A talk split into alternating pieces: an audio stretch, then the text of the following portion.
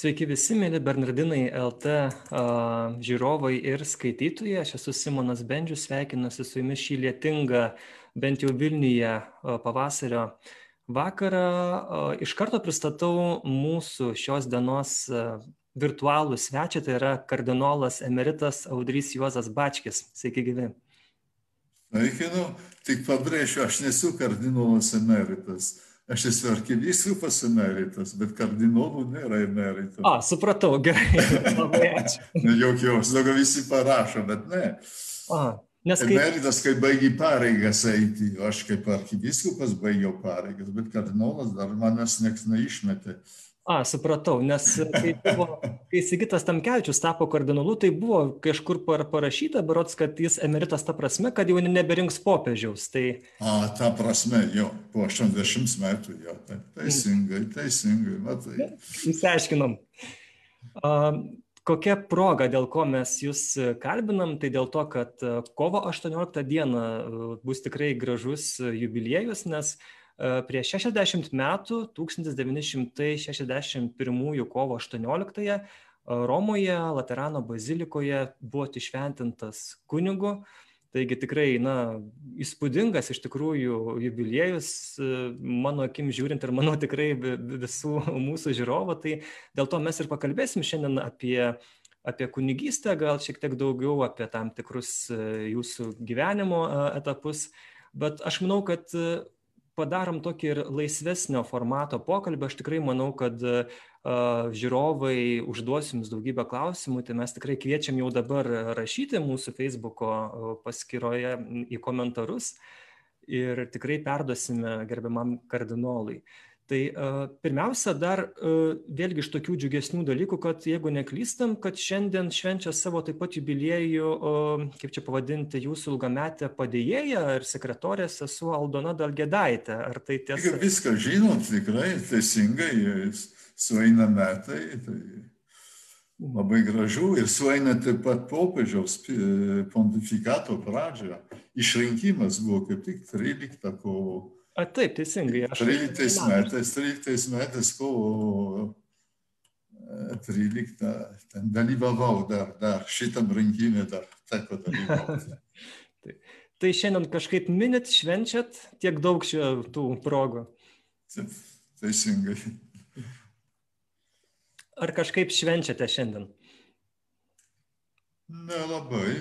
Namuose jau pažįstami draugai užėjo, bet uh, čia dabar nėra progų didelis susirinkimus daryti. Tai mhm. net ir kunigysės šventimą, kai buvo 50 metų, aš tada atšvenčiau, katedroje susirinko daug žmonių, kunigų, dabar tai negalima.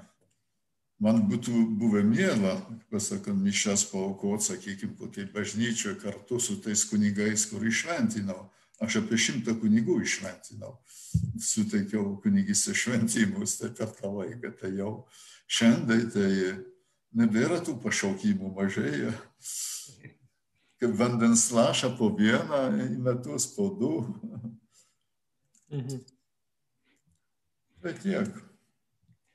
Taip, gerai, kardinolė. Um šneka žmonės dažnai ir netgi pats kažkaip aš pastebiu, kad pastaruoju, nu, pastaraisiais gal jau penkerius ar net ir daugiau metų jūs toks atsigavęs, net ir linksmesnis šiek tiek atrodot. Kiek, kiek tiesos tame yra, kad dabar jūs, na, uh, labiau atsipalaidavęs nes anksčiau kai dar buvot arkivyskupu kažkaip pastebėdavo kad lyg kad štai toks surūstus tas kardinolas kažkoks visi, visi taip sakydavo bet čia buvo daug motyvų. Aš manau kad čia yra tas ta pareigų našta kur vis tiek žmogus esi įtemptas turi kalbėti viešai katedroj.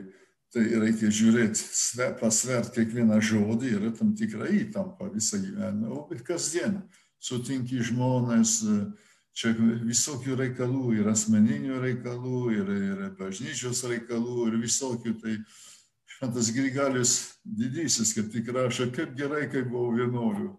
O paskui tapau popiežium, tai kako kasdien tvarkyk tos reikalus, susitik su žmonėmis, daryk sprendimus, ir kai kada ūkinius sprendimus ir viską. Tai sakau, buvo tokia įtemptas laikas ir mano sveikata buvo tada irgi jau biški turėjau problemą. Po pasitraukimo 13 metais, kaip tik popiežius, dabartinis popiežius priėmė mano atsistatydinimą, tai turėjau porą operacijų čia vieną kelio operaciją, tai protezą įdėjau, kitų, dar kitų dalykų. Tai vienu žodžiu atsistačiau, atsistačiau ir fiziškai. O be to tas laisvumas, kad tarai žodį, nereikia žiūrėti, kad nieks neusikabintų, kad visi mano broliai viskupai būtų tos pačios nuomonės. Mes turime įvairių nuomonių. Bet kai kalbėjau anksčiau, kaip viskupų konferencijų pirmininkas, sakykime, tai turi atsargiai daryti, atsižvelgti į visų nuomonę. Tai aš manau, aš tikrai esu laisvesnis, ta prasme. Jei nusišneku, tai žinau, kad aš nusišneku, o ne vyriausias bažnyčios vadovas.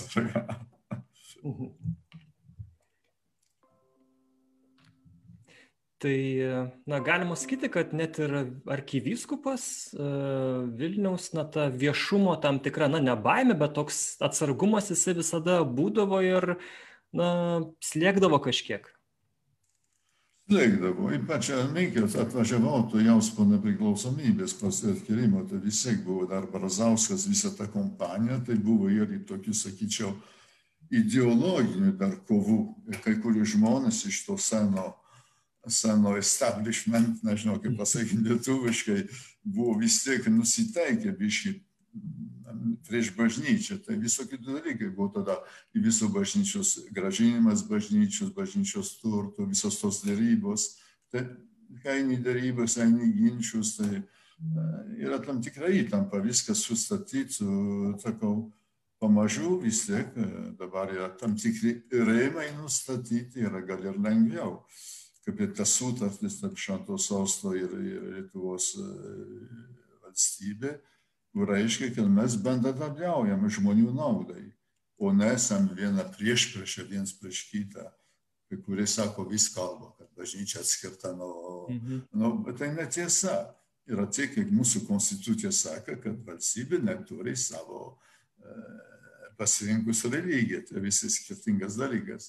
Na, aš sakau, buvo ta įtampa visokių. Man, man žiūrėkit, irgi man buvo naujas dalykas ne ta prasme tos diplomatinius juridinius dalykus, čia aš turėjau įgūdęs buvau kitur, bet vis tiek visa aplinka, nepažįstu žmonės, ateina kiekvienas pas mane, a, kas jis yra. Čia jūs Lietuvoje pažįstat viens kitą, todėl čia kaip ir kaimas, jau žinot visi, ką jis darė, koks jis buvo, nors nekalbam apie tai, bet maždaug žinot. O aš atvažiavęs iš užsienio, nesuaugęs su viso to, tai visi tokios sakyčiau, to atsargumo tokį skydą užsidedi, aš nežinau, su kuo kalbu. Ar čia su žmogum, kur aš galiu atvirai kalbėti, pilnai atsiverti, ar čia bažnyčiai nori padėti, ar čia priešingai reikia atsargiai. Tai sakau, ta prasme man buvo sunku, ką, pamažu, pamažu įeiti tą visą aplinką, kol įsigyji draugų, kol įsigyji žmonių, kuriems gali pilnai pasitikėti. Man tas yra svarbiausias dalykas, jei nori kokį darbą atlikti, turi turėti gerą komandą. Sura žmonių, kurie tikrai kartu siekia tos pačius siekius turi ir visą su visą širdimi dirba, kad juos įvykdyti. Ir ačiū Dievui, aš pamažu tokių radau ir tai vis lengviau darėsi. Tai rususis kardinolas gal dabar moka nusišypsoti. Man įstrigo e, tokia viena vieta, aš iš karto galiu, vad gaila, namie dabar skaitau ir pamiršau atsinešti, bet tiek to. Knyga Taip laimingas, e, tai yra jūsų pasikalbėjimai su Antanu Gailiumi, e, išleido 2016 metais naujasis žydinys Aidai, tai labai rekomenduoju visiems šią knygą, nes ten labai išsamei kardinolas pasakoja apie savo gyvenimą, įvairius tuos etapus. Ir iš tos knygos man toks įstrigo gal vienas jūsų pasakymas, kad kai buvo arkivyskupu, buvo sudėtinga susidraugauti su kunigais e, paprastais, nes dažnai jie norėdavo pasinaudoti ta jūsų valdžia, kad štai aš bendrauju su kardinolu ne todėl, kad tiesiog man rūpi bendravimas ir bendrystė, bet todėl, kad aš kažkokio tai naudos gal iš to pasieksiu. Buvo šito? Aš tikrai taip, taip pasakiau, parašiau, taip aiškiai. Taip. Aš tik. Ne, sakau, ne, ta prasme, kad, sakau, patiems kuniga, kunigams buvo sunku. Jūs kaip tik minėt seserę Aldoną Dalkėdaitę, kur dirbo su manim, kad man pasakydavo, išeidavo iš pokalbio su manim ir kai kurius mano klausimus ar mano pasisakymus jie žiūrėjo kaip į kokią provokaciją. Jie nebuvo įpratę, aš esu gana spontaniškai pasakydavau, ką aš galvoju ar ką kada jie buvo įpratę, bet čia buvo visa ta aplinka, nuo laikų saugokis. Lietuviai priskas liežuviai. Tai čia yra saugumo žmonės ir kiti, nežinai, kas bus, nu, paskus pasakys. Tai žmonės įpratę biškai savo nuomonės neišreikšti laisvai. O aš kai pasakydavau, tai matydavau tokią reakciją. Netikėdavau mano, mano nuoširdumu, ar čia, čia diplomatas, čia ką nors norėjau pasakyti, norėjau ką nors padaryti. Ta prasme, jau žmogiškai buvo tam tikras e, dalykas, kad pasinaudot norėtų ne, bet čia Lietuvoje buvo įpratę, viskupas yra vadovas, komunistų partijų sekretorius yra vadovas, tai reikia jo klausyti, tai reikia e, žiūrėti, ko jis nori ir prisitaikyti prie jo, jie nori, jie nori gerai gyventi. Tai ta prasme buvo sunku ir jiems, nes aš e, sakyčiau, gal netvėriau taip savo draugystę iš karto kitiems, kad nežinai, neprisileisdavau. Tik pamažu, kai susipažįsti, padirbai su jais, matai, kaip dirba parapijos, pradedi bendrauti, tada atsiranda toks laisvas ryšys. Žinai, ko gali paprašyti iš to žmogaus, neprašyk, ko jis negali padaryti. Ir, ir, ir, ir šitos pusės bandyk surasti tokį būdą, kad būtų gera ir jam, ir jo parapijai, ir, kaip sakant, jo aplinkai. Tai yra tokios problemos, sakyčiau, susikalbėjimo, pasitikėjimo, kur tu gali įgyti pamažu iš tavo darbų, žinos, ar pasitikės. O be to atsiradau Lietuvoje, neužmirškit, tai buvo visi dar, kaip Vilniuje, visi seni klebonai, kad buvo vis tik kulto įgaliotinio, kaip sakydavo, palaiminti. Ir 10-20 metų sėdėdavo tose vietose, kur aš tikrai norėjau pakeisti, kad ateitų naujų žmonės. E, ir, ir, ir, ir tas nelengva buvo, kaip sakant, susidaryti savo, man, kur atrodo patikimesni kunigai, kur neturi jokių uodegų ar jokių, kaip sakant, kompromisų, bet buvusio santykių su, su valdžia. Mes jau gavom pirmąjį e, žiūrovų klausimą. Kada kardinolė jūs Lietuvoje pasijutot visiškai savas? Kokiame etape? Prisipažinsiu, kad ir šiandien kartais sakau, aš nesijaučiu visiškai savas. Ar sakyčiau priešingai, gal jūs visi mane nežiūrit kaip savų, nes aš atvažiavau iš kitur, iš užsienio. Aš jaučiuosi namuose, sakyčiau, man užtruko kokie vis tiek dešimt metų, sakyčiau, bet tai buvo pamažu.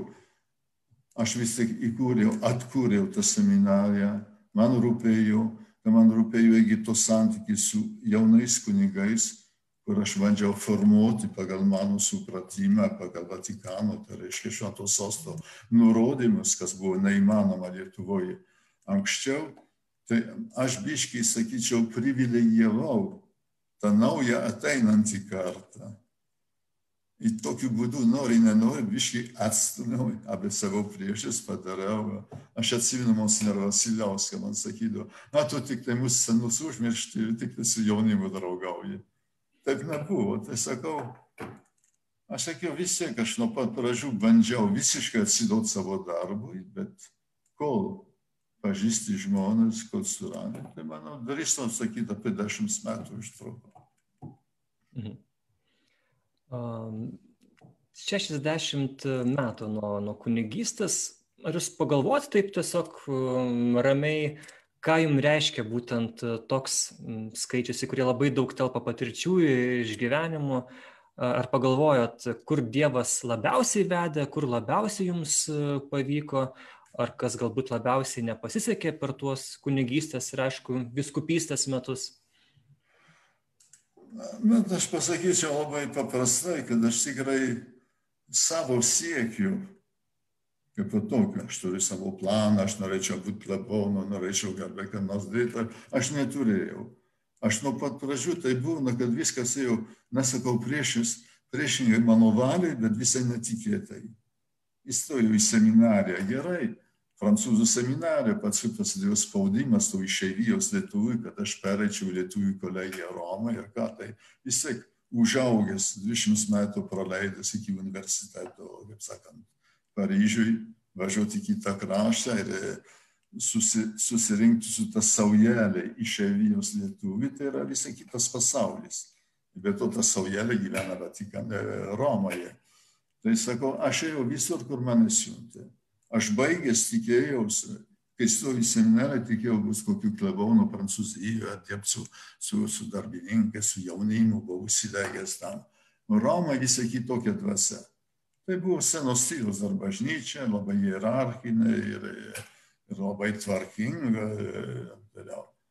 Paskui baigęs, tai buvo jau nurodyta, gal važiuosiu į Ameriką kur yra daug lietuvių parapijų, ten buvo tada apie per 60 kokių veikiančių lietuviškų parapijų. Mhm. Bet mane tada buvo viskupas Briskis, kuris buvo išeivijos lietuvių Amerikoje atsakingas, paprašė test studijas. Ir tada atsiverė kelias į tą Vatikano diplomatinę tarnybą. Vien dėl to, kad pasaulio viskupai prašė, kad visa nuncijai, kad visa Romos kūrė nebūtų vien italai. Tai prašė visų tų tautinių kolegių savo kandidatus pas juos. Tada man pasiuntė. Aš irgi nenorėjau to eiti tokį, aš galvoju, administratyvinį darbą. Tai nuėjau, paskui man, kur tik buvau, man visur gerai buvo. Aš negaliu skustis. Man įdomu buvo. Reikia mokėti atsižadėti savo, sakyčiau, norų, savo vizijos, ką nors padaryti. Ir jei tavo vyresniai, o šiuo atveju tai buvo viskupai, o jie Vatikane dirbau, tai buvo valstybės sekretorius, taip siunčia, reikia priimti. Aš biškai papuršdavau iš pradžių, kad reikėjo eiti į diplomatinę tarnybą, bet man buvo tada atsakingas vienas viskupas, kuris buvo popiežiaus Jono, Jono 23 buvęs sekretorius, kaip tik Turkijoje ir panašiai. Man sakė, bažnyčioje yra daug tarnyščių.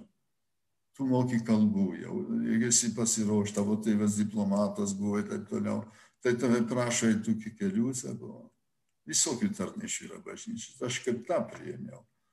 Bet sakau, visur, ačiū Dievui, radau progos ir galimybių būti ir kunigu. Tai reiškia, ir susitikti su žmonėmis, aukoti mišes ir išpažinčių ir turėti konferenciją ir taip toliau. Kokiam krašte be buvau. Tai aš dėkoju Dievui, tiesiog visur buvau laimingas. Tikrai mokėti atsisakyti savo pačių planų. Nuvažiavau į Pietų Ameriką, sakykime, iš ten mane siunčia į Turkiją tas mano patyrimas Pietų Amerikos, ispanų kalba, katalikiški kraštai į musulmonų kraštą, tai man niekam nenaudingas. Palikau ir savo knygas ispaniškas ir viską ir pamažu. Tai tos kelionės labai sveikas. Palieki savo praeitį ir ką, bet širdyje vis tiek ką nors išmokai. Susipažinai su bažnyčia, kur gyvena vienaip Afrikoje, kitaip Lietuvoje, trečiop Italijoje Ir tas yra toks patyrimas, tada nebeturi tokių absoliučių įsitikinimų, kad tik taip galima daryti. Ar tik taip valdyti bažnyčią. Ar bažnyčia tik taip gali gyventi. Pamatai, kad yra visokių būdų skelbti Evangeliją, evangelizuoti, kas yra mūsų tikslas ir tą daryti. Tai aš, tai aš sakau, biški bijojau Vatikane kai grįžau, 14 metų išbuvau, kad ten jau centrinėse dalykas, tai jau yra daugiau biurokratinio darbo. Bet aš visuomet atsimenu, kad nuo Samorė, kuris buvęs užsienio tų reikalų, kaip sakant, sakykime, ministras, kur man sakydavo, žiūrėk, už kiekvieną laišką, už kiekvieną populį, instrukcijas, kurias siunčiame. Tai yra žmonės. Tai nėra popierius, tai nėra įsakymai, tai nėra juridinis dalykas, bet yra žmonės. Yra viskupas, yra kunigai, yra gal ir valdžia, su kuria reikia tartis, bet reikia žiūrėti žmonės. Ta, o šalia to aš visuomet turėjau tokį grinai kunigišką veiklą, ar sekmadienį, ar su grupelėmis jaunimų. Ir tokių ištikimų grupių. Aš Romą palikau prieš 30 metų. Dar palaikau labai gyvus santykius. Kai nuvažiuoju, visi susirenka ir parapija mišiom bendrai pasimatyti, pabūti. Tai liko kažkas. Kas nors sakiau, toks kunigiškas ryšys. Draugiškas, draugai, bet kartu aš jiems esu kunigas. Tai ar viskupas, ar kardinolas, ar ką, tai grįžtant prie senų ištakų. Tai. Vienu žodžiu, aš sakau, aš niekada nesirinkau, kur eisiu. Tai užtat nesunku buvo, tai gaunu naujas iššūkis, gerai, dirbkim. Mhm. Plano negalėjau turėti. Aš net paprašiau šventojo tėvo Jono Paulius antrojo prieš važiuojant į Lietuvą, kas yra svarbiausia. Jis man atsakė labai paprastai, pagalvojęs, tylėjęs, lankyk parapijas, palaikyk ryšį su kunigais, su, su žmonėmis. Nesakė doktriną, nesakė juridinių dalykų, ne ką, grinai paprašiau, tą santykį su žmonėmis užmėgsti. Ir jis tiesų buvo. Ar pavyko, kis reikalas. Mes tik truputį priminsiu apie tai, kiek kardinolas yra aplankęs įvairių šalių ir tenais na, tarnavęs. Tai iš pradžių e, po tapimo kunigu e, dirbo Vatikano nunciatūroje Filipinuose, paskui Kostarikoje, tada Turkijoje, Nigerijoje. E, vėl paskui buvo Vatikano sekretoriato viešųjų reikalų tarybos narys arba užsienio reikalų tarybos Taip pat buvo ir pasekretorius šios tarybos, dėstė bažnytinę diplomatiją Laterano universitete, paskui apaštalinis nuncijus Olandijoje ir, ir paskui jau, jau Lietuva, jau arkiviskupijos, arkiviskupas metropolitas ir, ir be abejo ir kardinolas. Na, ir, ir, ir tokia šitai labai sutrumpinta ir aišku, kaip ir minėta, telpa daug įvairiausių patirčių į, į, į visas šios vardytus faktus, bet jūs kadangi apie kunigystę jau taip gražiai uh, užsiminėt ir, ir pradėjot kalbėti, tai uh, Prancūzijoje, kiek žinau, kad jūs jaunuolį dar tada įkvėpė prancūzijos kunigai, kurie norėjo evangelizuoti, eiti į paprastus žmonės ir tie jūsų minimi kunigai darbininkai buvo, kurie stengiasi būti kuo arčiau paprasto žmogaus. Gal apie tai šiek tiek uh, galėtumėt papasakoti, kas, kas tai per dvasia tokia buvo, kad ir jūs pati paskatino būti kunigu? dvasia labai paprasta, kad Prancūzija visi gyvena dar čia pasikos Prancūzijos revoliucijos, kad norėjo tos laisvės ir taip toliau. Bet buvo irgi dalis tų žmonių, kur norėjo nusikratyti ir bažnyčios įtakas valstybės gyvenime. Tai kalbant apie laicizmą, kurį yra Prancūzijoje. Ta prasme, sunku kas pasakyti, o kai iš vienos pusės. Tai ats, ats, neatskirimas, kaip sakant, kad yra autonomija bažnyčios ir, ir valstybės yra priimtas dalykas, bet iš kitos pusės yra susikūrus tokia dvasia, kur jau yra, sakyčiau, ne tik prieš bažnyčią, bet prieš visą, kas yra Dievas.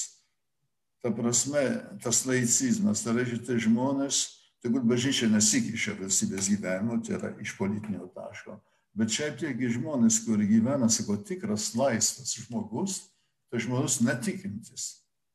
Nes tikintis, jis tiki į Dievą, paskui jis klauso, kas sako bažnyčia, turi įsakymus ir toliau. O tikras kaip egzistencialistai, savas ar ką, laisvas žmogus, Dievas mane sukūrė laisvą, tai aš darau, ką aš noriu. Tai, tai buvo tokia, tai sakyčiau, susikūrė Prancūzijoje tokia, kaip sakant, tokia prieš priešą iš vienos pusės tai katalikai, tai laikykim viską ir net politiniai tada į partijas katalikų susidėjo. O priešinga pusė tai atskirai visiškai nieko bendro nenori turėti. Tai buvo prancūzų mokyklos, tai vadinamas valstybinės mokyklos, arba pasaulietinės mokyklos, o paskui katalikiškos įsikūrusios. Labai didelis tinklas. Tai irgi auklėjimas visai kitoks buvo. Į pasaulietišką mokyklą kunigas net kojos įkelt negalėjo. Mhm. Tai būtų prieš laicizmo principą. Mes esame atskirti nuo bažnyčios katalikiškos, tai priešingai buvo jau tikrai skautai. Buvo skautai katalikai ir kiti skautai, sakyčiau, kur užmiršo Dievą, kas yra prieš Baden Paulį idėją, kad jam buvo Dievas, tėvynė ir artimas principai. Tai viskas buvo taip pasidalinta labai aiškiai. Sakau, tai o, o toj visuomeniai vis tiek pamažu, pamažu buvo nukatalikėjus, nukraujavus tai atsirado ypač darbininkija, buvo paveikta tų komunistinių idėjų labai smarkiai, kad visi profsąjungos, visas stipriausias buvo kaip tik yra komunistų inspiruotas. Tai nutolo visiškai nuo bažnyčios. Buvo parapijų prie Paryžiaus, kur, sakau, 70 tūkstančių žmonių gyvena, ateina 2-3 mišes per Velykas. Mhm.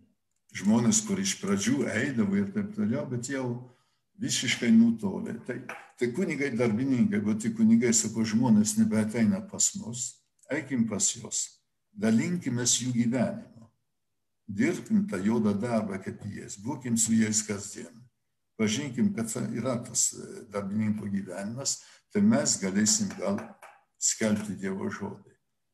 Ta, aš ta, tai man buvo kai kurios pažinojau, aš tikrai aš juos gerbėjau kaip tokie žmonės, kad tikrai nieko savo neieško, bet nori ieškoti naujų būdų skelbti Evangeliją.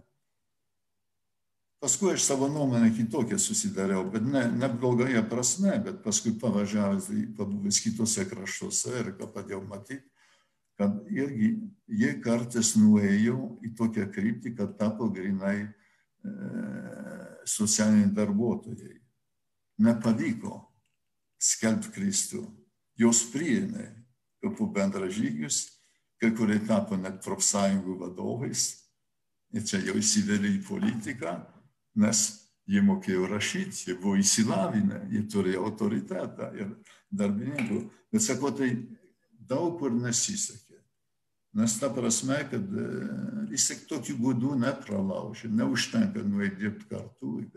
Kai kurie dalis liko, kai kurie taip daro toliau tas daroma su gražiais vaisiais bet negali visą bažnyčią taip padaryti. Čia bus klasė, tai eik dirbti inžinierių, eik dirbti profesorių, eik dirbti visų, prie visų neprieisi. Tai sakau, buvo tokia dvasia eiti, ieškoti žmonių, po dabartinis popiežius, eikite žmonės, ieškokit jo. Ir buvo vienas momentas, ko Prancūzija labai aiškus buvo, mes buvome tada seminarijai po karo, kur kunigai vėl susitiko su žmonėmis, tai karo metu ir karo kapelionai tenai ir šautuvą nešiojo, Prancūzija buvo to, to dalyką. Ir jie kartu buvo su jais. Ir kartu kovojo, kartu kentėjo, kartu matė visą žiaurumą to, to karo. Ir tas daug suartino kunigus su žmonėmis, ne per paradiją, bet tą bendrą kančią ir bendrą išgyvenimą to, to viso karo. Vienu žodžiu, buvo tokia dvasia, tai aš sakau, mane buvo pagavę, bet sakau, aš paskui, paskui pamačiau, kad čia yra geras kelias, bet turi savo irgi ribas. Ir paskui turėjo irgi hierarchija įsikišti, kad jie visi turėtų daugiau laisvo laiko, kad galėtų irgi ir maldai, ir, ir tiesioginiam katekezės darbas, o ne tik tai dirbti juodą darbą. Tai, Vienu žodžiu, tai buvo tokia įdomus eksperimentas, bet kilęs iš tikrai geros dvasios, žmonės neteina, eikim ieškoti, kur jie gyvena. Jie yra žvėjai, Kristus tada eina pas tos žvėjus, susitikti su juo. Ir jie pritraukia kai kurių žmonės, o kai kur tai priešingai.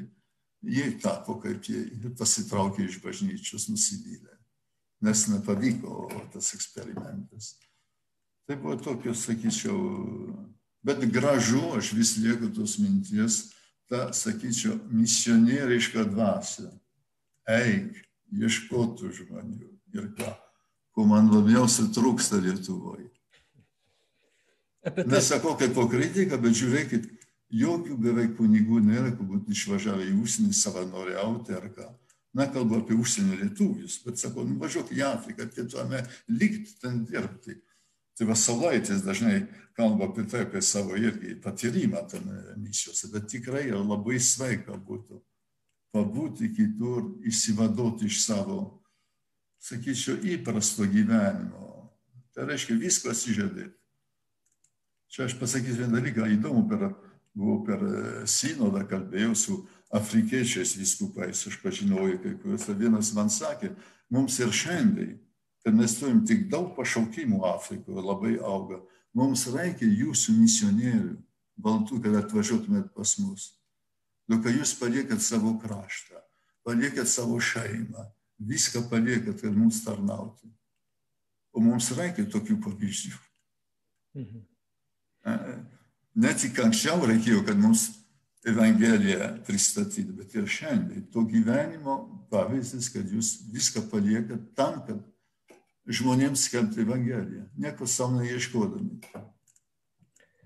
Bet gal ir Lietuvai trūksta tokių, na, savotiškų misionierių Lietuvos žmonėms, nes, na, mes kaip ir esam nominaliai labai katalikiškas kraštas, kiek ten tų procentų, 80 ar kiek, bet realiai einančių į pamaldas išpažįstančių krikščionišką tikėjimą ten vos keli procentai yra ir, ir pašaukimų taip pat mažėja į kunigų seminariją, ta krizė tikrai vienetai tas stoja ir e, gal nežinau, gal nebematome šiandien tų uždegančių, užsidegusių kunigų pavyzdžio visų pirma, kurie būtų tokie, na, telkėjai, tam tikri bendruomenių lyderiai ir, ir panašiai.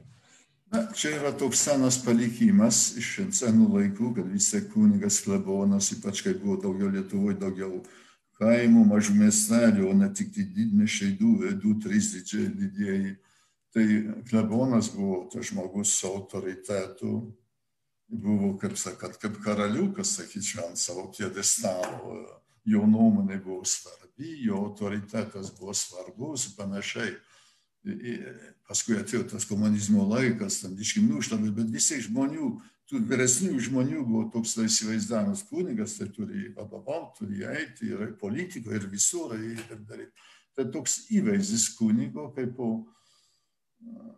tokia ypatingą statusą turintis kada kunigas, tu esi kunigas, kad tarnautum Dievui, bet tarnautum ir žmonėms. Tas svarbiausia yra tas, kad būtum prieinamas žmonėms, kad tu žiūrėtum kunigą po tarnystę.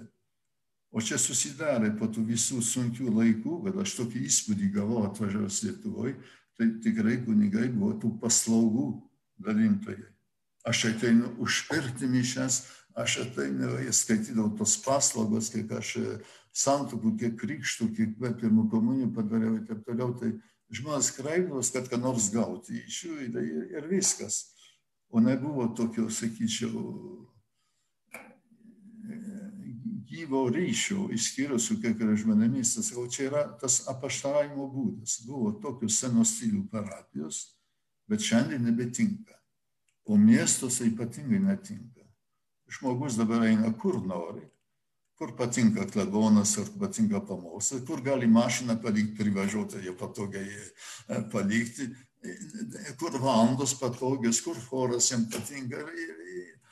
Jau žmonės, kada svarbu būtų suburti žmonės, būti gyvą parapiją, kad vienas pažįsta, vien kiti pažįsta, kartu imasi kokių iniciatyvų.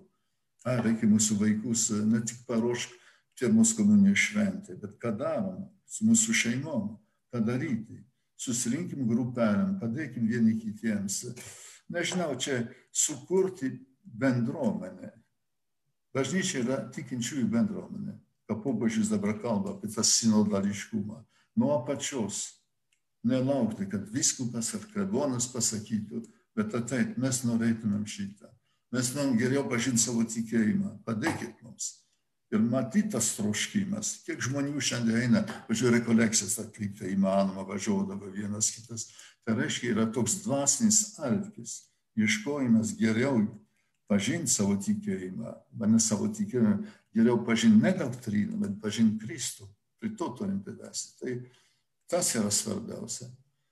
Tiesiog, kad kalbate apie entuziastus, sakyčiau, Aš matau daug gerų kunigų, sakau, bet e, entuzijazmas tai reiškia visiškai savęs neieškoti ir atsiduoti tam darbui, o kartais nepasiseka, kartais neišeina, bet tu dirbi dėl žmonių ir dirbi dėl Kristaus. Nereikia laukti, kad viskas būtų. O kitiems atrodo, kad šiandien visi yra nelaimingi. Aš matau daug kunigų, kur atrodo, tikrai aš atsakau, aš laimingas, sakau, nelaimingi, nes gal nesiseka, neauga krikščionų e, skaičius, neteina į bažnyčią, nueina kalėdoti, uždaro duris. Bet keičias laikai ir reikia tą priimti ir ieškoti naujų būdų. Tai sakyčiau, yra daug pasišventinčių su geriausiais norais pradėjus, bet bando čia, bando kitaip, nesiseka. Ir toks tada matau toks nusivylimas, tas nusėdimas, tas vangumas paskui gaunas. Ką, ką šventas tėvas e, Pranciškus vis kalba, tas vidutiniškumas turi būti užsidegęs, jei nori patraukti tą žmogų. Visame kame.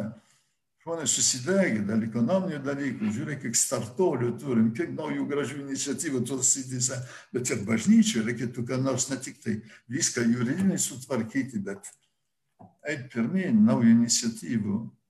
Sunku, nes tai yra aukos kelias ir nėra garantuota, kad to pasiseks. O šiandien būna populiarių kunigų, tai jiems viskas sekas ar ką, bet to negali reikalauti iš kiekvienos. Vienas puikiai katekezė su vaikais moka daryti, kitas gražiai pamokslininkauja, kitam nesiseka. Trečias puikus administratorius, atstato bažnyčias. Ketvirtas, ką daro, bet šiandien tas yra svarbu. Svarbu tavo dvasų išlaikyti. Tai vis tik aš tą darau dėl, dėl Kristus, dėl žmonių ir čia rasi pasitenkinimą. Ir rasi ir kryžių, jeigu nesiseka. Tai nežinau. Aš manau, kad čia tas susidegimas yra daugiau tikėjimo dalykas Tikėjimas yra, kaip sakė visuomet popiežius Benediktas XVI teologas, yra susitikimas su Kristumi. Čia nėra doktrinos pažinimas, o tą kalba žmogus, kuris geriau negu visi doktriną pažinojo. Čia nėra vien doktrinos reikalas, čia savo širdyje laikyta, ieškota viešpatės veido, būti maldo žmogus, nuolatinį, nenusivilti, nesiseka, melskis ir toliau negali konkrečiai ką nors padaryti, bet melsis su su žmonės. Negali gal nueiti į ligoninę, ar COVID, kai buvo baisiausia aplankyti tų ligoninę ar ką, tai melskis už juos, kas kitus, daryk ką nors, neužmirška, yra visokių būdų. Čia reikia apaštalavimo fantazijos. Ir čia, manau, kad pasauliečiai tai galėtų daug ką iš mūsų pareikalauti. Prašyti. Ateit, mes norėtumėm šitą, mes norėtumėm tą, mes norim rekolekcijų, mes norim būrelį šeimų susitikti, pateikit mums. Ir būt kunigas visuomet gerai, norit, eisiu, padėsiu. Ne tam, kad vadovaučiau, bet kad jūsų siekimas, jūsų norai, jūsų ieškojimai padėčiau.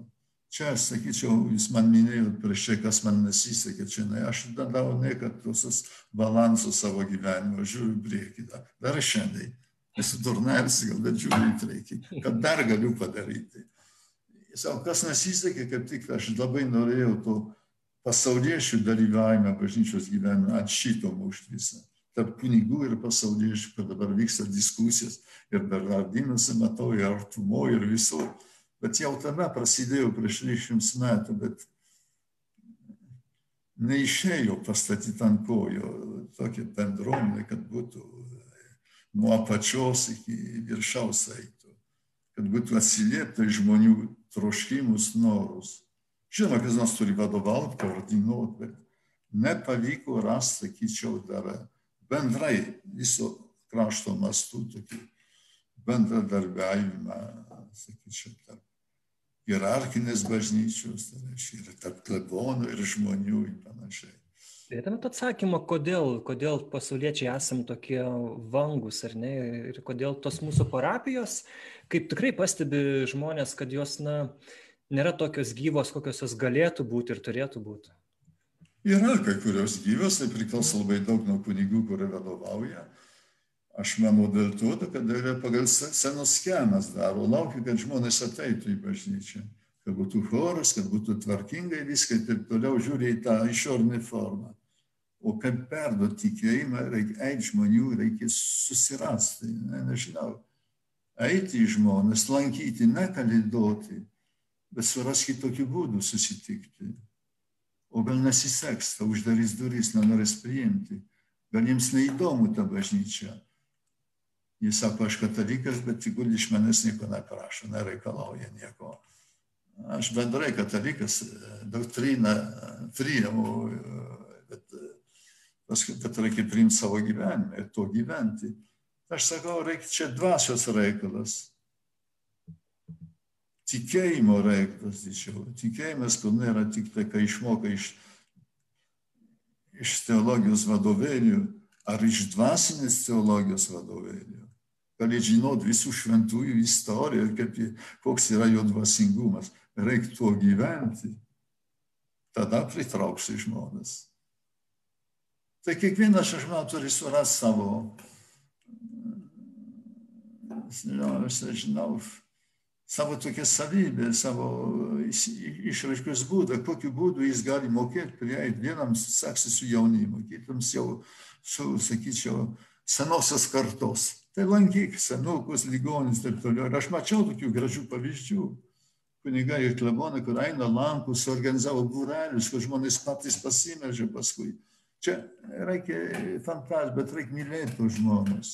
Eit mylėti tos žmonės, eit pas juos neusidaryti klebonijoje ir laukti, kol pas tave ateisi. To dinamizmo reikia, kur yra daug kur gyvenime, bet, sakyčiau, mūsų bažnyčių to dinamizmo, kad e, imtum atsakomybę ir jinai, atrodo, lyg laukia, kad kas nors tau nurodytų, ar viskupai, ar kaip toliau. Tai žiūrėkit, kiek, kiek šventas tėvas e, kviečia eiti evangelizuoti. Pradėkim, eikim to keliu. Jūsų eminencija, mes turim nemažai klausytojų klausimų, tai aišku jau septynios valandos, bet kadangi dėl techninių kliūčių vėliau pradėjome. Gerai. Tai Klausysiu. Gerai, tai e, bus dar keli klausimai apie kunigystę, bet gal pirmiausiai, ar bėgant metams keitėsi jūsų Dievo pažinimas, tai yra Dievo paveikslas?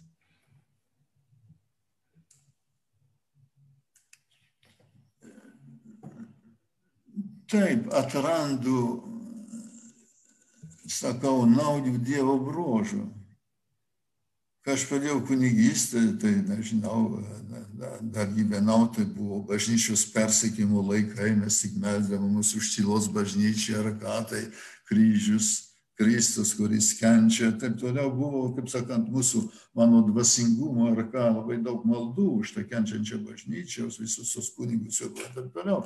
Tai sakau, buvo toks, nesakau, rustus, bet tas klasiškas, senas lietuviškas su, su su kryžiais, kur pristatyti prie namų ir ką, su kryžių kalnu, kaip sakau, kur ta kančia yra jau dalis gyvenimo, kur buvo priimėsi, bet žmonės priėmė, priėmė kaip, kaip sakant, čia tas būdas šiandien nešti kryžių ir eiti pirmin.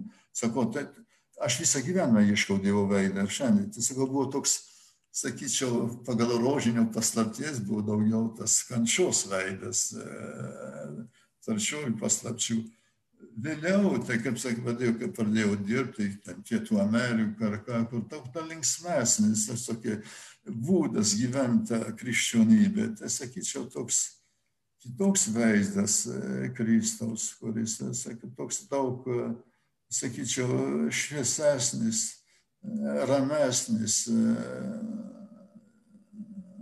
daugiau Dievo gerumą, pajusto Dievo meilį, kad tikrai jis tave myli, eini pirmin, buvo tada toks pakilimas, sakyčiau, ir tai aš gyvenau, tai keitės tas veidas.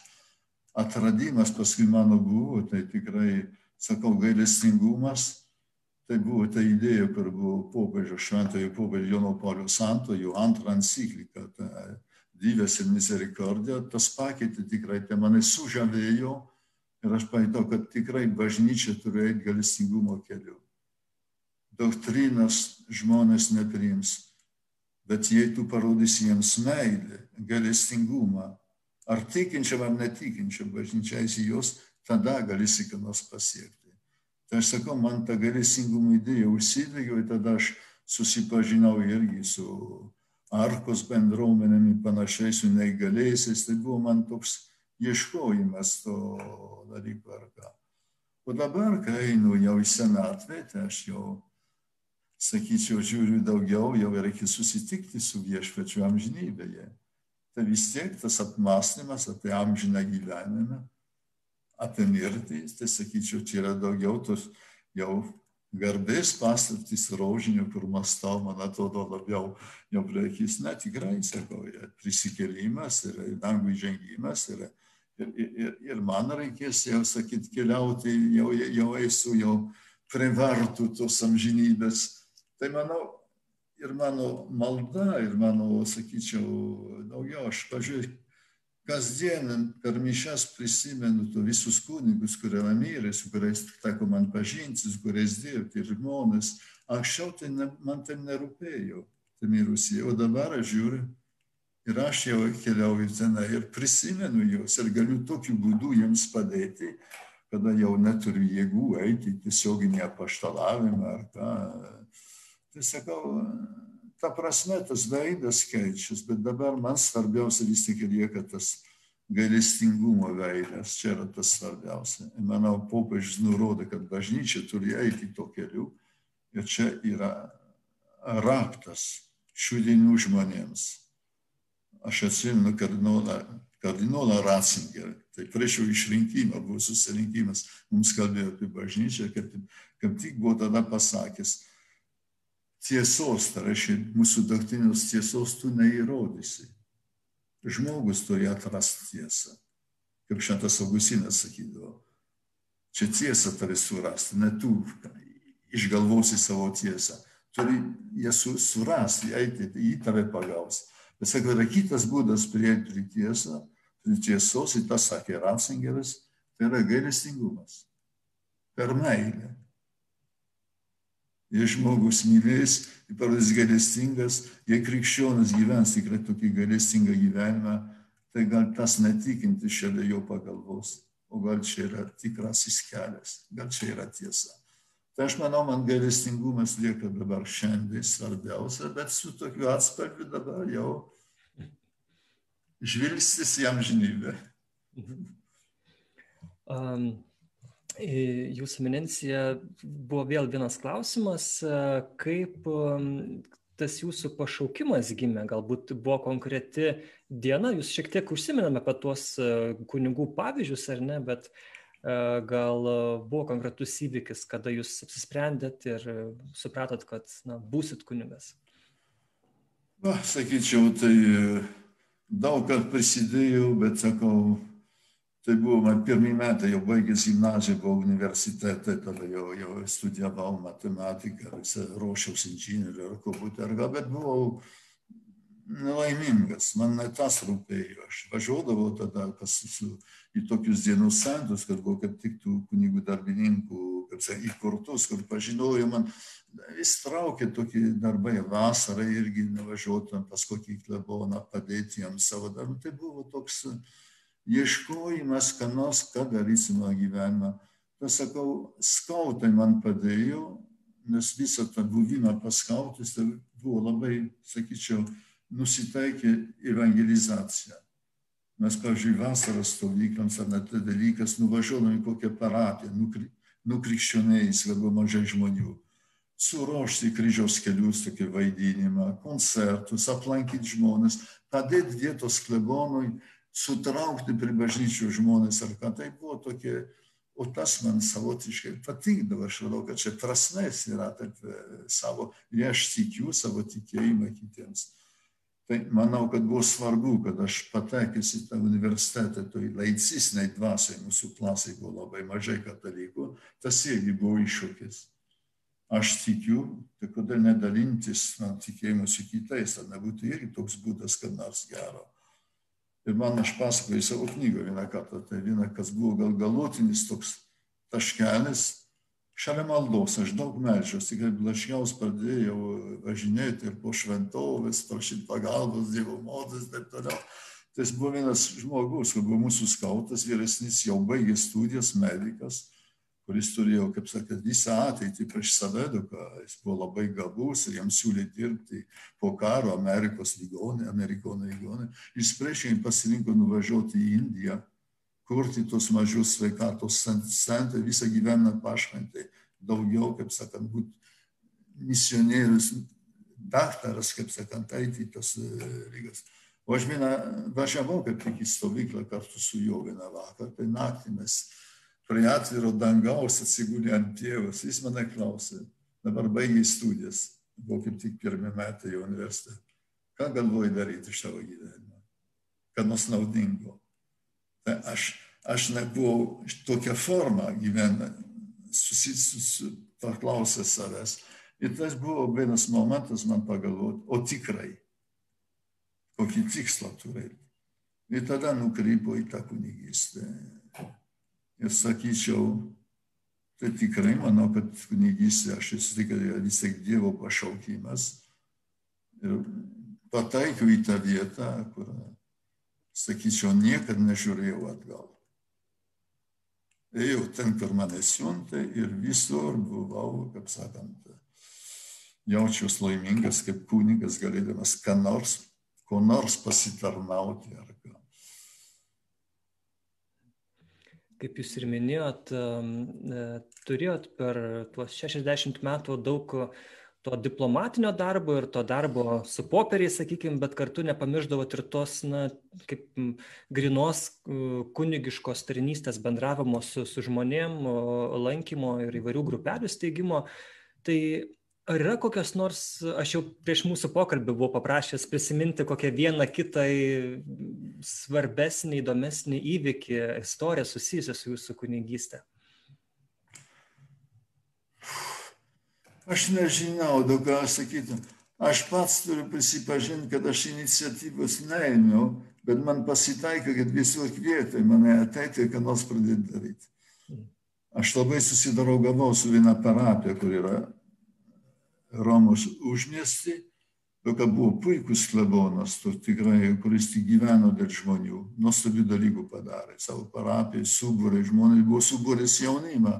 Tai jie mane pasiprašė, aš padėjau su jais bendrauti, sekmaniais nuvažiuoti mišiom, paskui vasarą pas juos į stovyklas nueiti, kur buvo grinai tokius ir formacija tikybos, visi tapo beveik parapijos tokie šulai, katechetai ar ką ir šiandien po 50 metų dar, ar 300 metų tą patį daro. Tai buvo, sakau, tas klebonas, mačiau toks, kur buvo tikrai pilnas iniciatyvos, tikrai atsidavė žmonės, jau mirė prieš 25 metus. Pavyzdžiui, net buvo, pas, net buvo ta parapija, kaip labdaros darbą, turėjo du, du greitosios pagalbos mašinas, kurias vairuodavo pensininkai tos parapijos žmonės, daug ligoninė buvo už 200 km toliau, jie buvo iš, na, už kalno ir labai sunku būdavo prisišaukti širdies, kaip tai infarktas ar ką. Tai jie nutarė tą turiką ir, ir būdėdavo, susiorganizavo parapiją. Išlaikė jie patys du vežimėlius, kad pasitarnaut na, visai bendruomeniai, ne tik tai. Bet tai buvo toks žmogus, kur uždegė kitus. Iš to jaunimo viens tapo meras to miestelio, visi tas, kitas profsąjungos vadovas, visi žmonės, kuris ne tik buvo dėl bažnyčios, bet ir priėmė atsakomybės paskui savo bendruomenės gyvenime. Tad tas mane kaip kunigas buvo pavyzdys. Kitur, aš sakyčiau, nieko, nieko, susitikau irgi su tais visiškais neįgalėsiais, tai tai buvo, kad tapo man tada prisidėti prie kūrimo pirmos bendruomenės Romai dabar sutikau vieną labai įdomu buvo, tokia buvo mergina, jo ta studentė buvo, kuri nekentė Vatikano, atsimenu pirmą susitikimą, tik prieš Vatikaną visai kalbėjo, o paskui susidraugavom ir jį susimanė, paskui, kai jie ieškojo irgi prieš tą Vatikaną, jai buvo tai pompa bažnyčios tokie šinigų, norėjau, kad nors papas rūpintis kaip tik neįgalėsiais. Ir mane nusitampė tai tą darbą. Aš važiuodavau, ten e, aplankydavau ir mišas paukodavau ir, ir, ir tokiu būdu įsivėliau į tą darbą ir liko tas, e, kai atvažiavau į Lietuvą, toj pačiai Vilniuje įsikūrė tai irgi bendruomenė ir aš tikrai sakiau ir savo kunigams, atidarykit duris bažnyčiui tiem žmonėms, kurie čia yra vis tiek ir jie yra tokie, ko Dievas juos sukūrė, yra Dievo dovana. Aš sakau, nieko daugiau. Aš sakau, kad būtų buvęs koks ypatingas įvykis ar apšvietimas ar kokia toliau, bet visur aš turėjau tą laimę, kad man paprašydavo, ateik mums padėti, kaip sakant. Važiavau į Afriką, gerai, ten šalia buvo mokykla, krikščioniškų brolių mokykla. Mane paprašydavo nueiti iš pažinčių paklausyti. Vienu žodžiu, aš manau, kad reikia daryti, kaip motina Teresės darydavo. Niekad nesakyk ne, kai tavęs ko nors prašo. Jei prašo su geru tikslu, jei gali, padėk. Mhm. Kitas klausimas, kurį gavom, tai yra, kodėl bažnyčia tokia vangi moterų norinčių patarnauti klausimu? O dabar visi keičiasi pamažu. Mhm. Buvo to, to, tokia laikysena, bet čia reikia labai daug laiko, jau daug kalbama apie tai, dabar popiežius daro ženklus. Sinodo, viskupų sinodo yra sekretorė, pasekretorė yra moteris. Ir ne tik moteris, bet jį dalyvaus sinodai, turi teisę balsuoti kaip ir viskupai ir ką. Tai yra tokie ženklus duoda dalykai nors. Dabar visi leidžia, kai anksčiau visi bijodavo, kad ir mergaitės, ir moteris patarnautų bažnyčios įvairias tarnystės ir toliau, kad iš pradžių tai visi žiūrėdavo, kaip kas tą daro, tai jau nusikalsta, kaip sakant, kanonų teisė ir panašiai. Tai sakau, tai bažnyčiai, kad vyrai esam, tai žinau, mes kaltins tą mano tą žiūrovę, kad tikrai vyrai esam, mes, bet aš nemanau, kad aš mane apkantysit mačizmo ar ką, aš turėjau labai daug. Čia mano laimė ir gyvenime sutikau daug, daug moterų, kur man padėjo, kaip sakant, savo darbo išpildymai kad ir kur reikia atvažiavau, radau ten seselės ir ką, ir, ir tuo pačiu laiku iš, iš karto pradėjau bendradarbiauti. Ir gavau ir piktų laiškų, kad, čia jau papiktinau žmonės, kad aš e, e, draugauju, jau, jau to jau įtarimai, kad čia kas nors nepadaraus. Na, na tikrai, aš gavau tokių žmonių skambučių ir viską. Man atrodo, kad visiškai normalu, kad tame darbe kūrė būti žmogus Ir mano parapija, ta klebona, apie kurį aš minėjau, taip pat buvo parodas, ten jis organizavo visą, visą parapijos gyvenimą ir choras, ir katechetė, ir ką buvo. Daugiausia vis tik vadovai buvo moteris. Vyrai daugiau paėmė atsakomybės, sakyčiau, miesto gyvenime, bet tiesioginį tą bažnyčią, visas tas apaštalavimas buvo jų rankose, tikrai labai pasiraušusios buvo, nebuvo, kad tokios mėgėjos. Tai Aš sakau, bet pamažu reikia. Ir mes patys Lietuvoje žinom.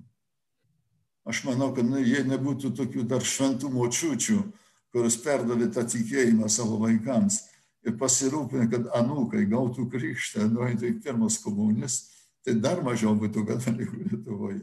Ne, reikia mes įvertinti, ne, ne kalbėti, čia močiutės, čia, čia, tai ne moteris ir, ir šeimoje, dabar vyksta tie ginčiai, šeimoje irgi tas pats.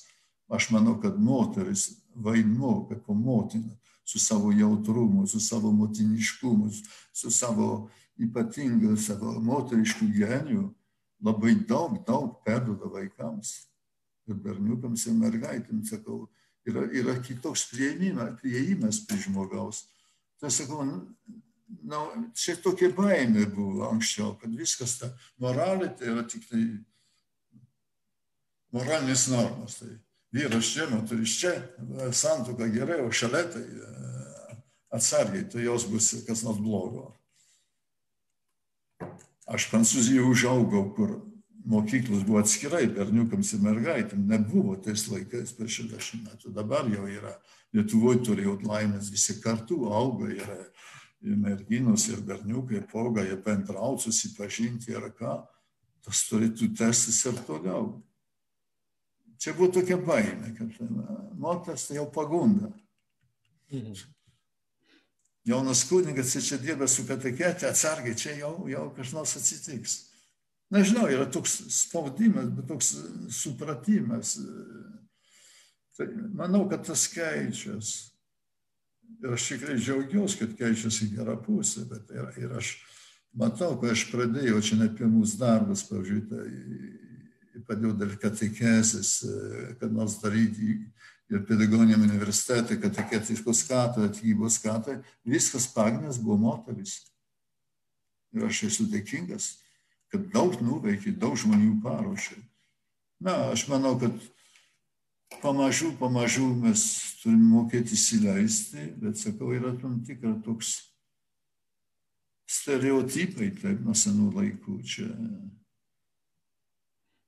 Mhm. O, turim dar keltą klausimų, jeigu dar... Laikas bėga, aš per daug kalbu. Viskas gerai, labai įdomu tiesiog, gal kai kurie žmonės ir nežinau, bet nemanau, kad, kad pavarksta, nes, nes klausimai tikrai labai geri žmonių. Tai vienas yra, kai dabar pasaulyje atvyro sumaištis ir Lietuvoje dėl pandemijos ir dėl įvairiausių, sakykim, tų politinių aštrių klausimų, ko jūs palinkėtumėt bažnyčios tiek vadovams, tiek ir turbūt kiekvienam iš mūsų tikintiesiems? na, kokia ta mūsų turėtų būti laikysena ir taip. Laikysena mhm. turi būti, kaip sakant, ta, ką Kristus mokė. Mes turime eiti artimo meilės keliu. Visų pirma, tai gerbti kitus žmonės, kad jie būtų iš kitų pažiūrų.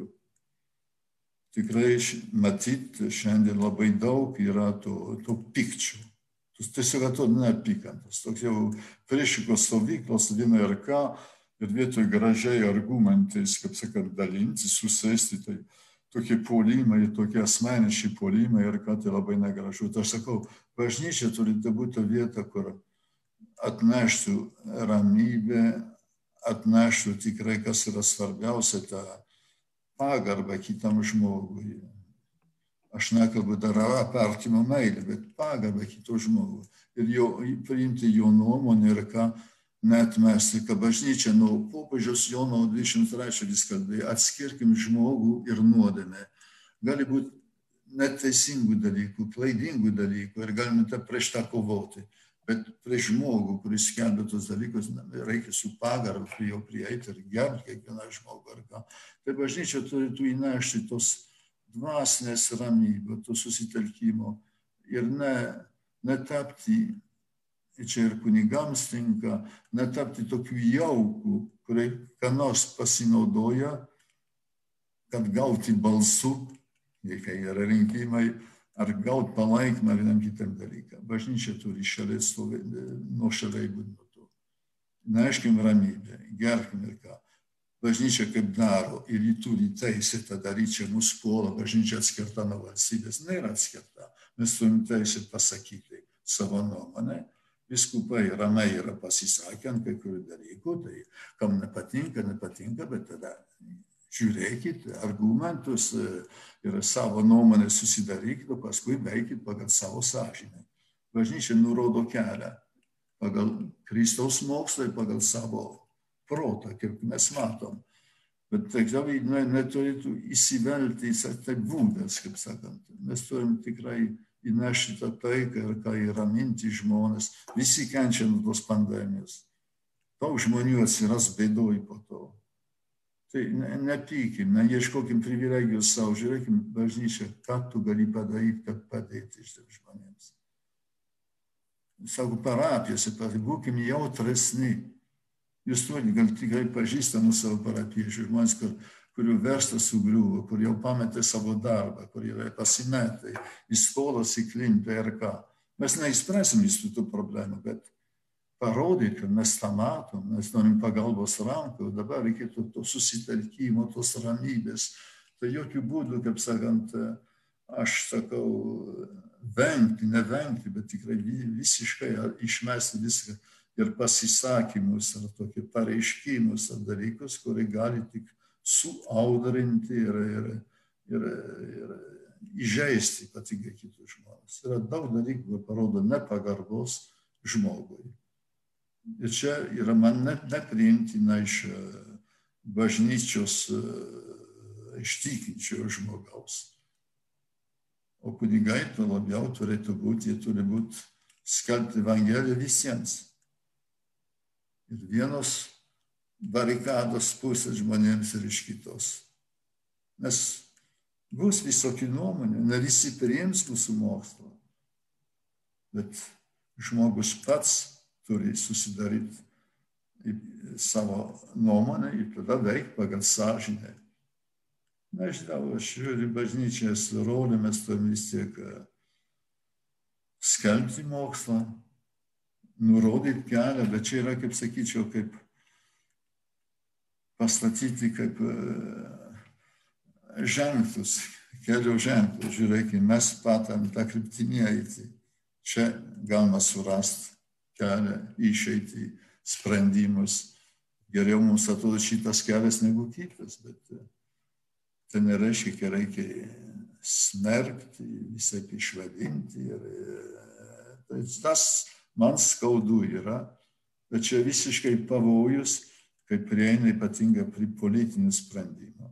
Čia, kur įsiaudrina žmonės ir ką. Bet jūsų minėsi mes kaip tik turim vieną tokį konkretų klausimą ir aš įtariau, kad jis bus ir, ir, ir atsirado, tai kokia jūsų paties asmeninė nuomonė apie Stambulo konvenciją? Viskupai yra pasisakę, aš tos pavojus, kurie paminėjau, matau irgi, nu, na, bet tai daug dabartinių, dabartinių konvencijų yra už to tam tikra ideologija, kur nori pramušti kai kurius dalykus. Bendrai yra geras dalykas, bet yra tokių silpnų punktų, kur kiti naudos kaip vietą, paskui įsikabinti toliau, toliau savo idėjas pravest ar ką. Tai sakyčiau, ta prasme aš sutinku, kad kartais tikslas yra geras, ta prieš smurtą ar ką, bet tai būna tai, kad prieš visuotinį sportą, prieš visų sportą, ir moterų, vienų, ir kitų. Ir, ir, ir sakyčiau, bet yra tai pavojai.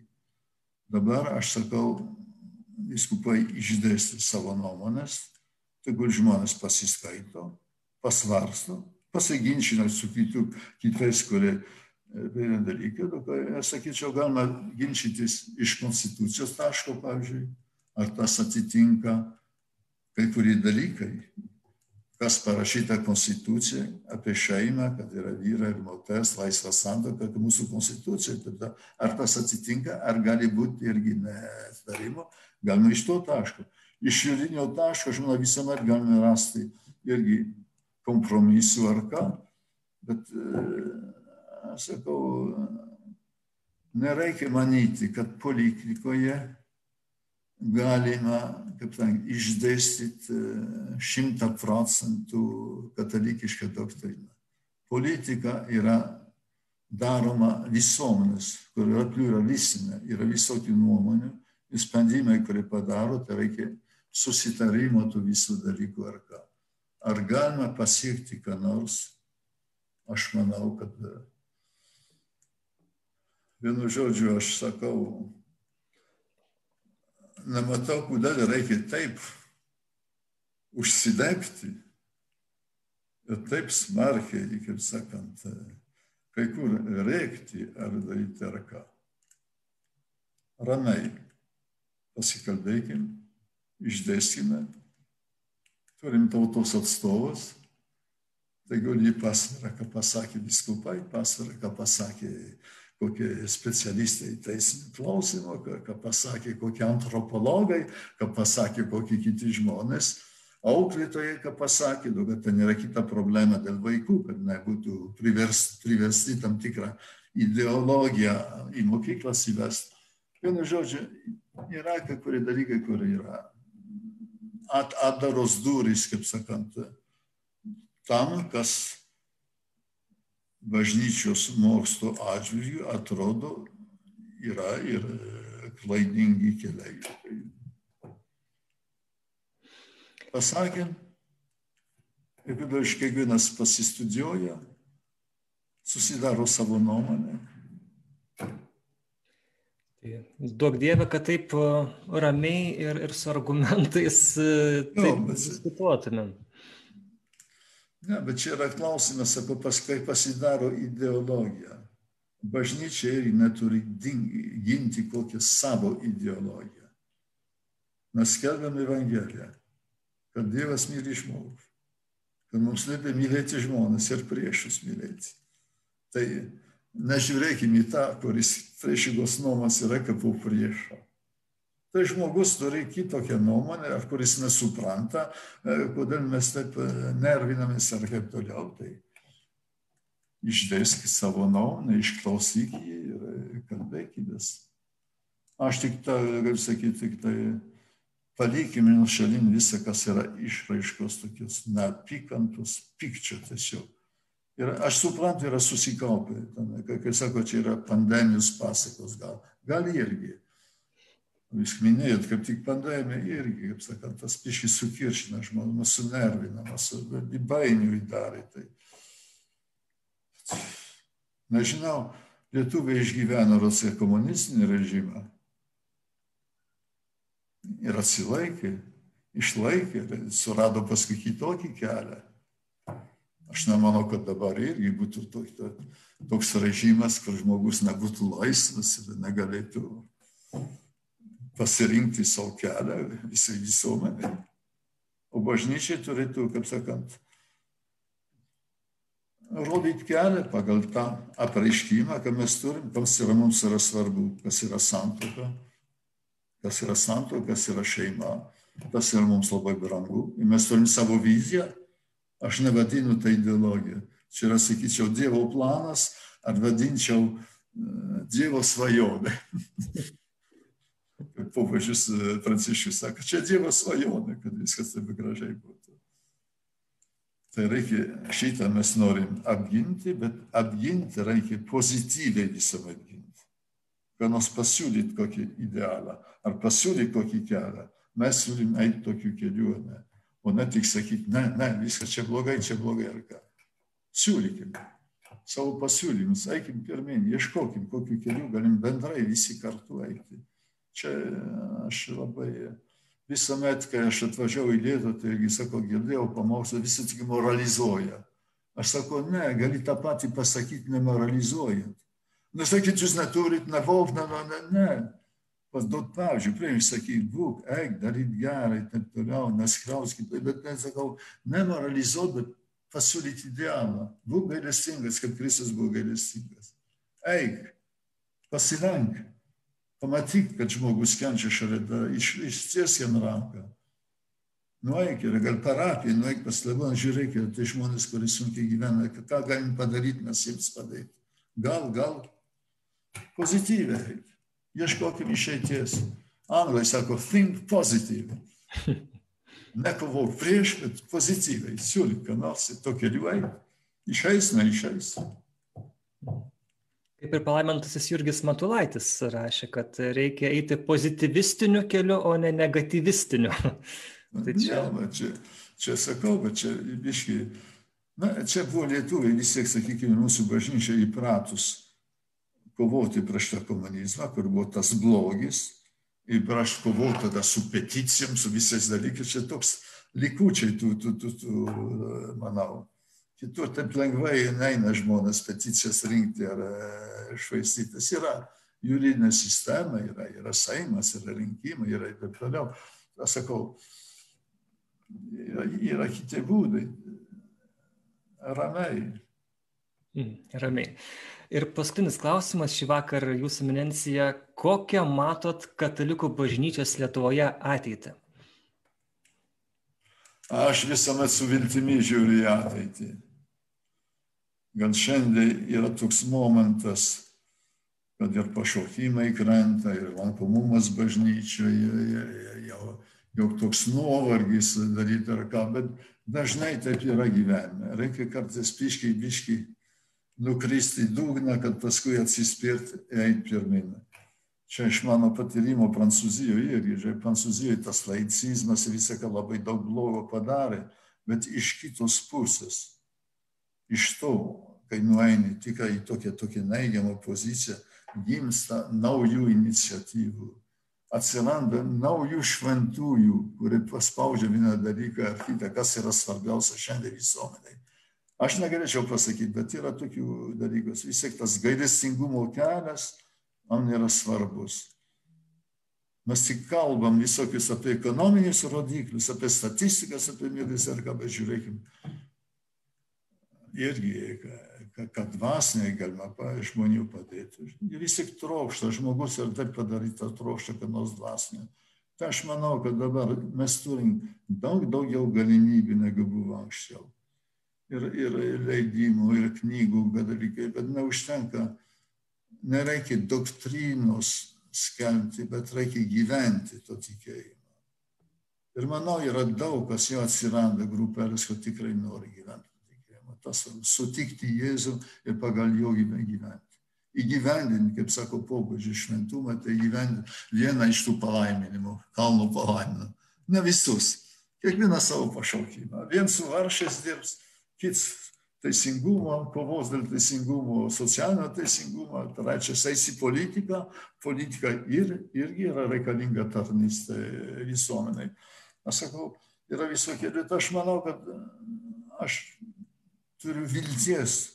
Nesakau, kad aš matau daug ženklų to atgimimo šiuo, momentu, bet vis tiek aš matau ypatingai, sakau, aš pasitikiu tokių, laukiu charizmatinių pasauliečių ir kunigų. Kad aplink jo susiburtų žmonės ir eit. Pradžia kartais būt gali būti visai menka. O svarbu vis tik bažnyčiai, manau, tai yra tas perduota tikėjimą, bet tikėjimą tai nėra, kaip jau minėjau, dvasingumas nėra dvasingumo teologija ir žinojimas, bet gyventi kokį, pasirink kokį kelią pagal tą gyventi. Ir įsipareigok kasdien, kasdien ar ką. Aš bijau vieno dalyko, tai kas blogai šiandien yra, bet čia gal kritika, ne tik bažnyčiai, visiems, ta visos visuomenės dabar tas socialinio bendravimas per Facebookus ir visą ką, kur žmonės viską taip pat išreiškia savo jausmus, labai jausmingai reaguoja. Ir taip pat reaguoja. Aš anksčiau, tai diplomatinis mano darbas, parašai laišką diplomatinį, palieki rydinai perskaityti ir, tai, ir peržiūri ir išėmi, kas gali kitą užgauti. Bet diplomatas irgi reikia mokėti savo prekę parduoti. Gali prašyti mandagiai, bet nereikia užgauti. Čia tas pats. Jie žmonės, nežinau, man atrodo, mažiau tokių reakcijų buvo. Šumona iš karto reakcija, tas uždega didelį ugnį.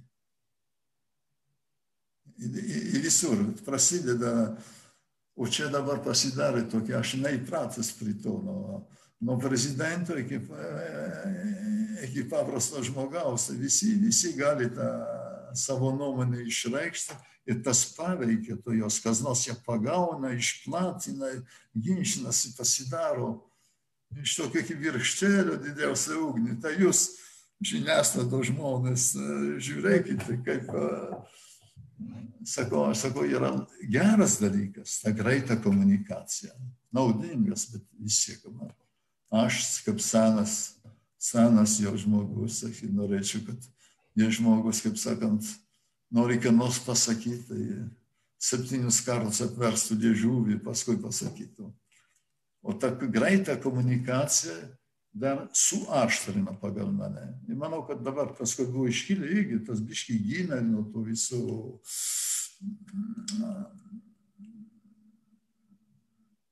O be to yra irgi tos, kai kurie paleidžia melagingų dalykų ir tas irgi įkuria tokį įtampą bereikalingą.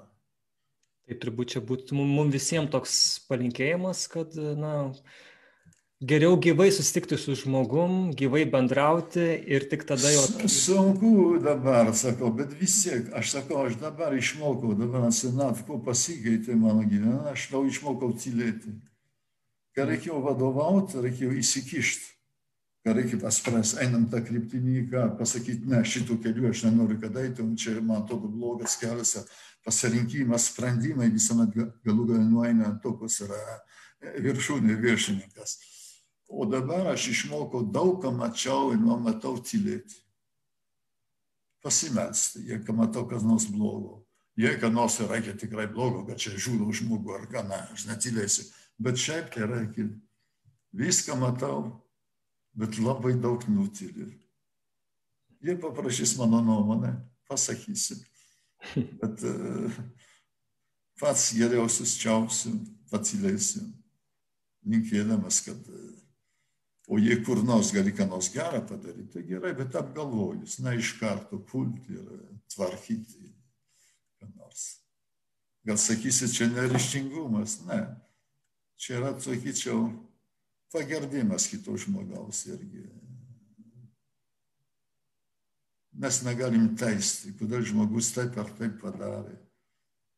Ar taip ar taip apsispandė daryti. Gal nežinom tikrų motyvų, kas jo galvoje buvo gali tik gėrio tikrai siekė, bet suklydo, nepataikė. Turim teisę suklysti.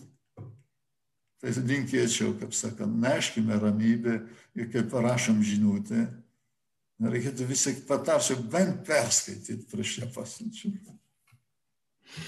Ačiū, ačiū Jums. Tai kardinolas Audrys Juozas Bačkis buvo mūsų virtualus svečias. Tai dar kartą sveikinam iš anksto su kunigystės 60-mečiu ir linkim tikrai to, to šviesaus žvilgsnio, koks šiandien, koks šiandien yra ir, ir kokį mes dabar matėme ir jautėm ir gyvuokit. Ir... Ačiū. Dėkui. Ačiū visiems, kad turėjot kantrybės ir Čia... eikit pirmin, Bernardinams lygių eiti, aukti. Ačiū. Gerą naujieną. Dėkui na ir ką gi simonas bendžius buvau atsisveikinu ačiū kad mūsų klausėt ir žiūrėjot šis pokalbis jeigu neprieštaraujat jūsų eminencija virs paskui bus įdėtas į jutubą ir paskui taip pat virs tinklalaide audio kad galėtų žmonės ir ga, vien, vien tik garsą paklausyti. Tai gerai, tai čia jūs sprendžiat, palieku specialistams žiniasklaidos, jei verta ir sakau, aš nebijau, jie mano, kad galima ką nors išpjauti ar ką, tai Aš pasitikiu jumis. Gerai, ačiū už pasitikėjimą. Jokios cenzūros nebus iš mano pusės. Super. Tai tiek, tai dėkui dar kartą, gražaus jums vakaro ir būkite palaiminti. Iki. Ačiū.